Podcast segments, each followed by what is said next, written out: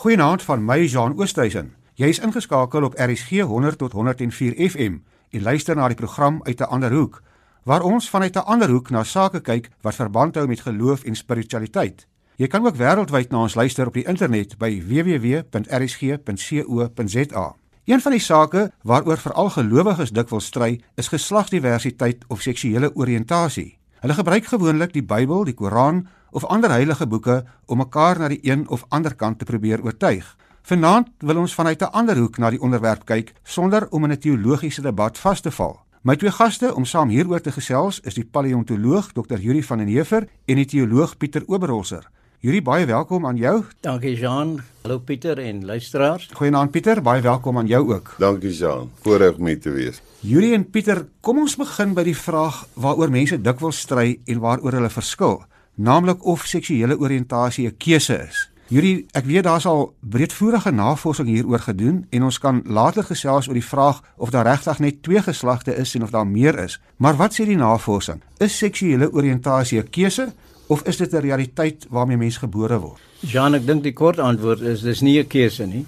Tensy mens oor die spektrum wat ons dalk later gesels soos jy kan sê iewers op daai spektrum val dat jy verhoudings met beide geslagte aanknoop dan kan dit seker 'n keuse wees maar normaalweg is dit die fisiologie en die biologie is so dat 'n mens gebore word met 'n sekere seksuele opset en dit is dan nie 'n keuse nie. So as iemand vir jou as 'n heteroseksuele persoon vra is dit 'n keuse gaan jy duidelik sê nee dit is nie. Of as jy vir 'n gay persoon vra as 'n keuse, dan sê hy nee, dit is hoe ek is, biologies. Pieter, jy is self 'n gay man en jy moet seker ook al dikwels gehoor het seksuele oriëntasie is 'n keuse. Wat is jou reaksie op die stelling dat dit 'n keuse is om gay of heteroseksueel te wees? En sal enige mens kies om byvoorbeeld gay te wees gegee hoe die samelewing dit dikwels hanteer? Ek stem absoluut met Yuri saam dit net pleinweg dit is nie 'n keuse nie. Ek wil ook byvoeg dat die APA die mees gesaghebende psychological American Psychological Association het al in 73 bepaal het hulle dit as 'n disorder met antwoorde keuse vervang het en gesê dis nie 'n disorder nie. 'n gegewe wat baie min mense weet dis al 45 jaar gelede wetenskaplike besluit. Daar is wel 'n keuse by betrokke in die moderne wêreld wat ons vandag lewe kan ek kies om blou oë te hê, deur blou kontaklense te dra, maar dit vat nie my bruin oë weg nie. So daar is mense wat kies om teen hulle eie geaardheid te draai en met allerlei fofies en terapieë wat onbewese is dat dit sukses het, hulle gedrag onder 'n demper kan sit en kan probeer deurgaan as hetero, maar dit verander nie hulle oriëntasie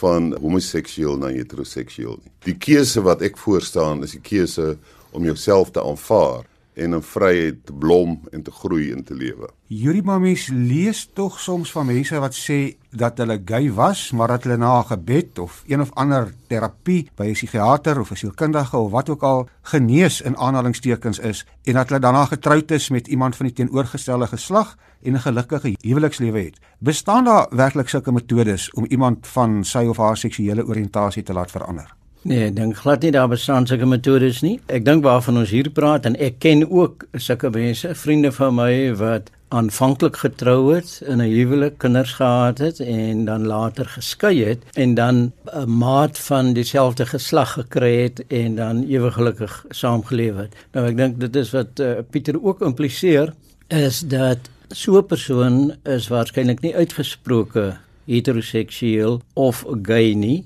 Ons weet van al die indelings wat die gay gemeenskap self gebruik om hierdie onderskeid te tref. So iemand wat nou miskien geestelik beïnvloed is deur 'n psigiater en wat in elk geval die, vermoë het of die fisiologiese opset het om tussen twee keuses te kan lewe, dis kop kan so geswaai word dat hy dink hy of sy is nou reg georiënteer maar dit is nie eh, ek dink nie dit is 'n geldige manier om dit aan te pak nie. Daar was onlangs weer 'n brief op die internet van iemand wat beweer hy was gay, hy sê en hy is nou as 'n seksuele oriëntasie afrigter in Amerika opgelei en dan noem hy 'n klomp name van terapeute. Is dit dan fopnies of hoe moet 'n mens dit beskou? Ek dink 'n mens moet kyk na die na die spektrum van menslike seksualiteit en daar's 'n groot verskeidenheid daar. As jy nou 'n sokker entoesias gewees het en jy trou met 'n rugby entoesias en jy word gedurig daarop attent gemaak, dan kan jy 'n rugby entoesias word. Ek dink dit is 'n spektrum, 'n fisiologiese en 'n anatomiese spektrum wat mense hulle self in plaas. Ek wil net aansluit by wat jy gesê het. Ek stem volledig saam. Die sogenaamde ex-gay ministries of psigiatriese inrigtinge of mense beweer wat hulle kan mense genees, is dat die APA 'n duidelike riglyn uitgebring het en gesê dat hulle het sulke gevalle ondersoek en daar's geen stadhoudende bewyse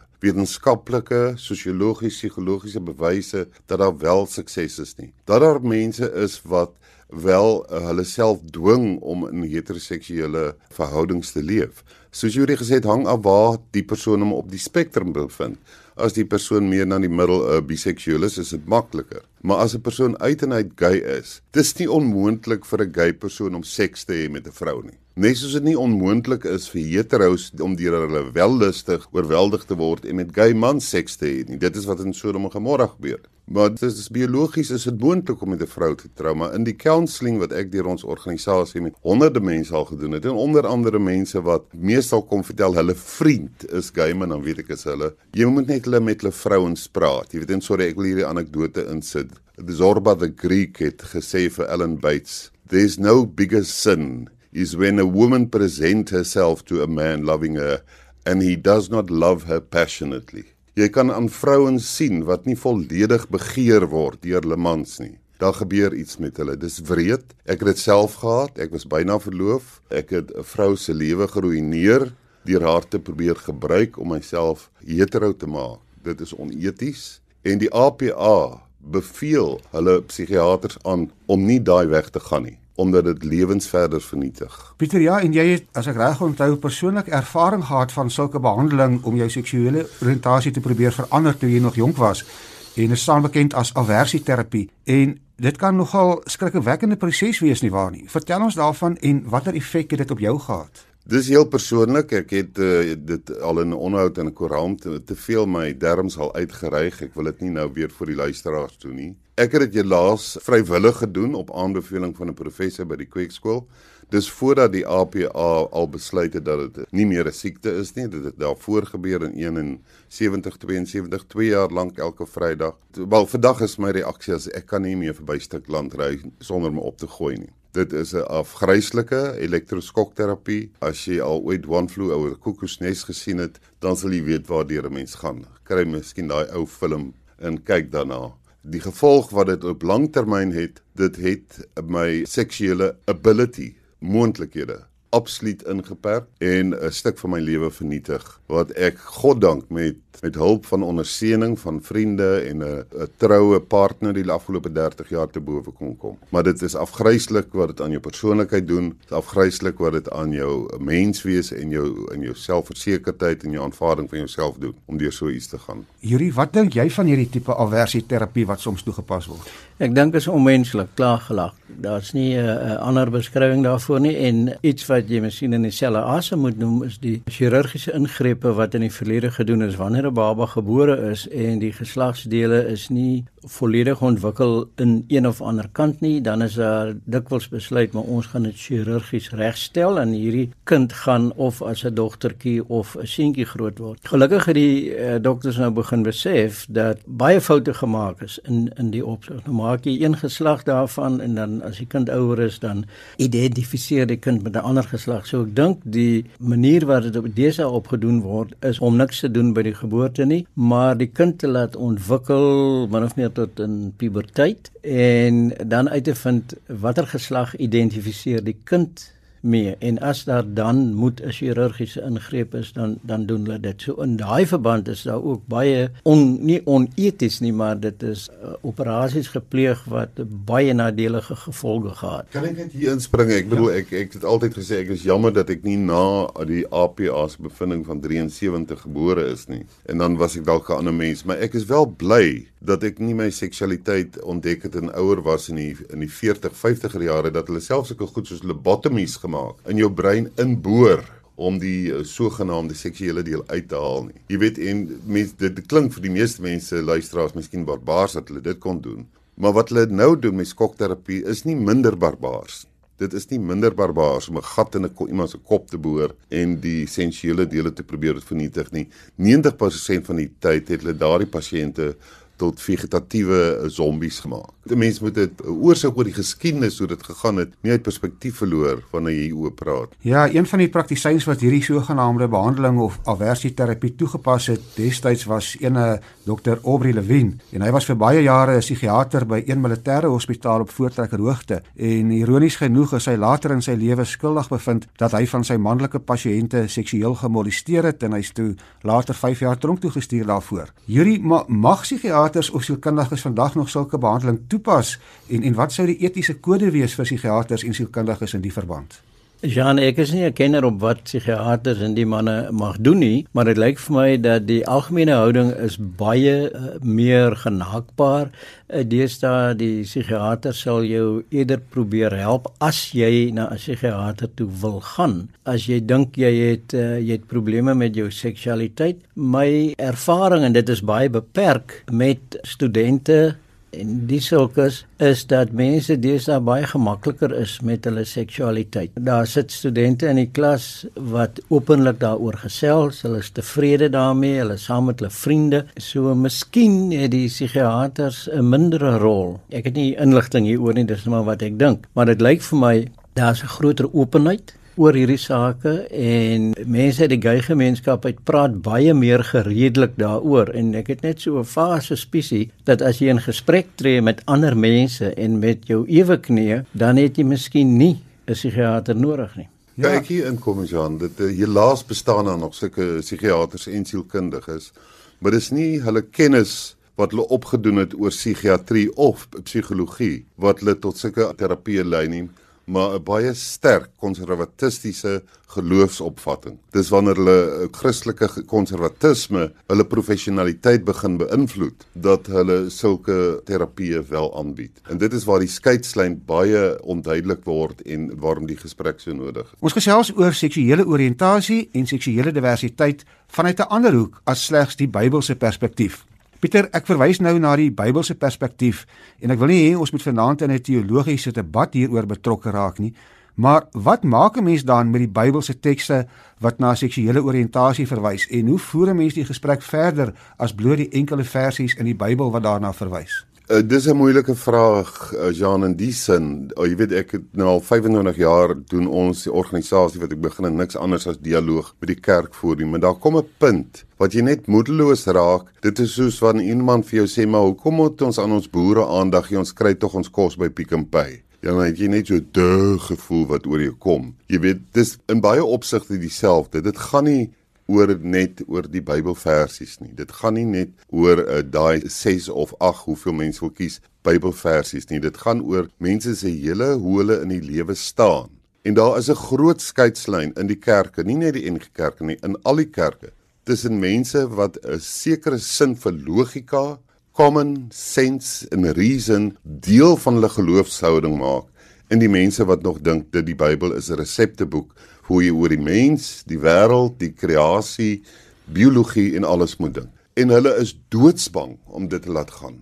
Hulle moes al apartheid laat gaan, nou moet hulle dit ook nog laat gaan. So hulle klou soos neute daaraan vas. En dan weet hulle dit is mode om te sê ons lees wel die Bybel kontekstueel, maar hulle kies watter konteks. Hulle verontagsaam soos hierdie gesê die meeste biologiese, sielkundige, sosiologiese navorsing en kies die navorsing wat pas by hulle vooroordeele omdat hulle bang is dat hulle wêreld ineen gaan stort. Yuri, wat is jou standpunt hieroor? Kan 'n mens regtig die Bybel as 'n riglyn gebruik wanneer mens oor hierdie sake praat? Kort antwoord: nee. As 'n mens nou 'n bietjie gaan delf en soos Pieter gesê het, mense lees baie selektief, maar as jy nou gaan kyk wat sê die Bybel oor genetika, dan krap jy die bas af van stokkies en sit dit langs die troon neer en dan sal die nageslag van die bokke nou gespikkeld wees. Die storie van Laban hulle en dan kry die ou nou 'n groter aandeel.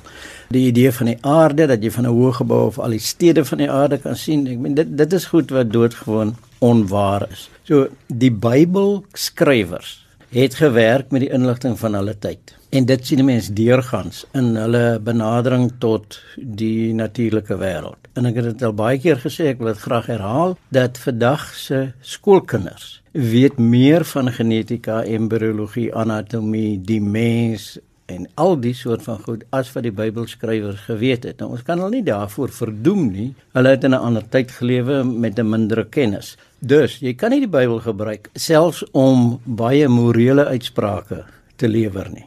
Want die Bybel keer slawerny goed. Jesus het slawerny goedgekeur. Iets wat ons vandag nie meer doen nie. En mense is gekruisig. Dit doen ons ook nie vandag meer nie. So die konteks dink ek waarvan Pieter gepraat het is dat 'n mens moet die Bybel sien as 'n saamgestelde historiese geskrif met baie goeie inligting in oor 'n wye aantal onderwerpe en dit het literêre waarde. Maar jy kan nie ons moderne mens se benadering tot die lewe en wat ons vandag weet oor die wêreld aflei van Bybelversies wat jy een-een uitsoek. Goed, kom ons beweeg 'n bietjie verder aan. Ek wil vir julle albei vra, maar kom ek begin by jou Yuri. Ons praat nou vanaand tot dusver oor homoseksualiteit en heteroseksualiteit en baie mense dink daar is net twee geslagte, jy's of manlik of vroulik. Maar dis meer ingewikkeld as dit nie waar nie, want daar word deesdae van tot 15 verskillende variasies tussen heteroseksueel en homoseksueel gepraat. Ja, dis waar dis een klassifikasie wat mense kan maak. Daar's 'n geneticus en Fausto Sterling wat al gepubliseer het oor hierdie onderwerp en sy reken dat op die oomblik, soos dit staan en met die inligting wat bekend is, behoort ons ten minste 5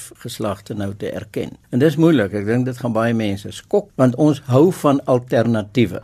'n Ding is wit of swart, dis links of regs, dis bo of onder en net so hou jy van 'n man en 'n vrou. En daar is sekere parameters wat nou 'n man en 'n vrou beskryf. Die werklikheid is en dit het die biologie duidelik vir ons gewys dat dit nie so is nie. Omdat seksualiteit van soveel verskillende goed afhang en ons weet aanvanklik as 'n embrio begin ontwikkel, dan is daar vir die inwendige en die uitwendige geslagsorgane een groepie selle binne en buite die liggaam. En uit daardie groepie selle ontwikkel of 'n seentjie of 'n meisietjie, maar aanvanklik is beide geslagsstemme aangelê. Wanneer die hormone nou van die organe af vrygestel word, dan kan daai weefsel in een of ander rigting gedruk word, of na die manlike kant of na die vroulike kant. En dit gebeur nie elke keer soos 'n algoritme nie. Dit gebeur nie soos 'n resep nie, omdat daar soveel moontlikhede is. En dit is waar jou stelling vandaan kom en heeltemal korrek is dat dit 'n spektrum is van menslike seksualiteit.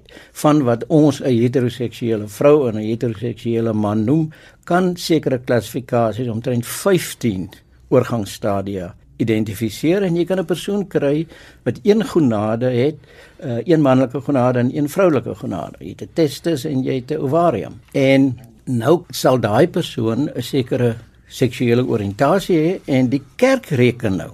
Hulle kan nou 'n teks vat wat 2 of 3000 jaar oud is, wat mense niks hiervan geweet het nie en hulle kan nou oordeel vel oor sulke mense. En ek dink dit is totaal verkeerd. Die kerk moet die kaarte wat die biologie op tafel sit aanvaar en sê jammer ons was verkeerd en dan sê die opdrag oor naaste liefde behoort hulle na te kom.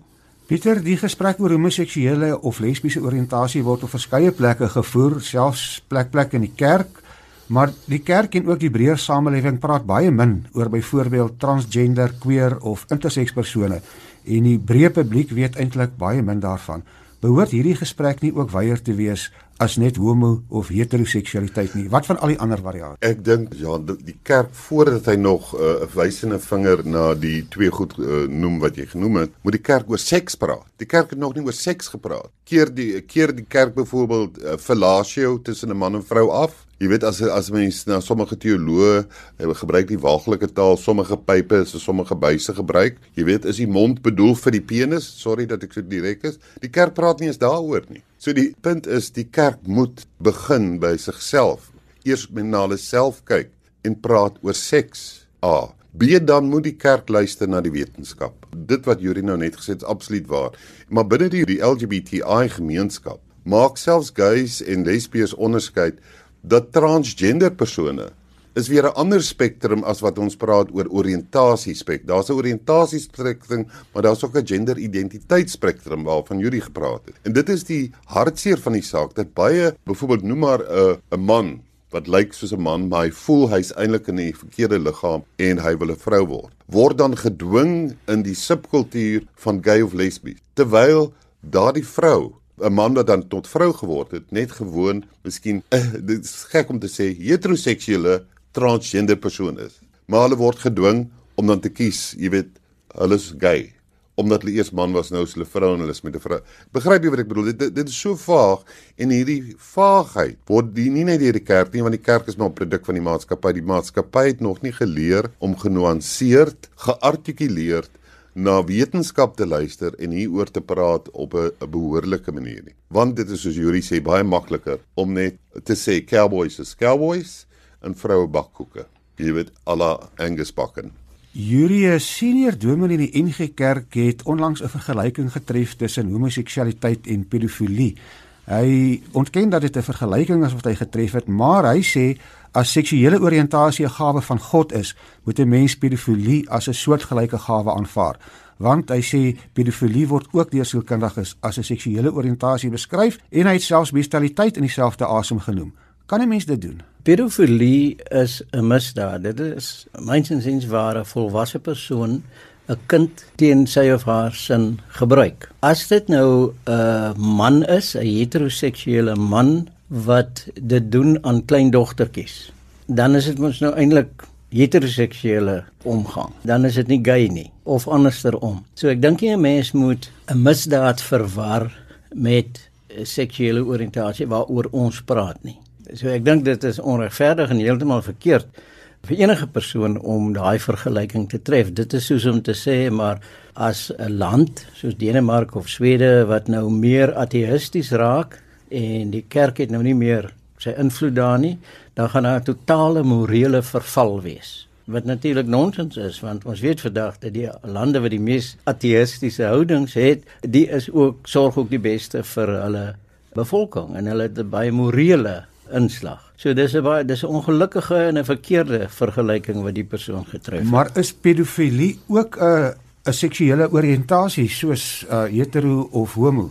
Kan ek daarop? Ja, seker asseblief. Uh, die dominee dink ek sal ook vir julle dalk wil antwoord en sê maar soos jy pedofilie misdaad noem, so noem ek ook om gay te wees 'n misdaad. Misdaad teen God en sonde. En ons wil nie nou by sonde kom nie, het ons afgespreek. Maar daar moet ons tog luister na die wetenskap. Dit is nie as dat die uh die APA die American Psychological Association wat gesaghebend vir die hele wêreld is. Ook Suid-Afrikaanse dokters wat opgelei word, jy weet word gesertifiseer en so meer daardeur. Dis nie maar hulle het sommer net die guys jammer gekry en gesê julle is nou oukei okay nie. Daar's kriteria voor.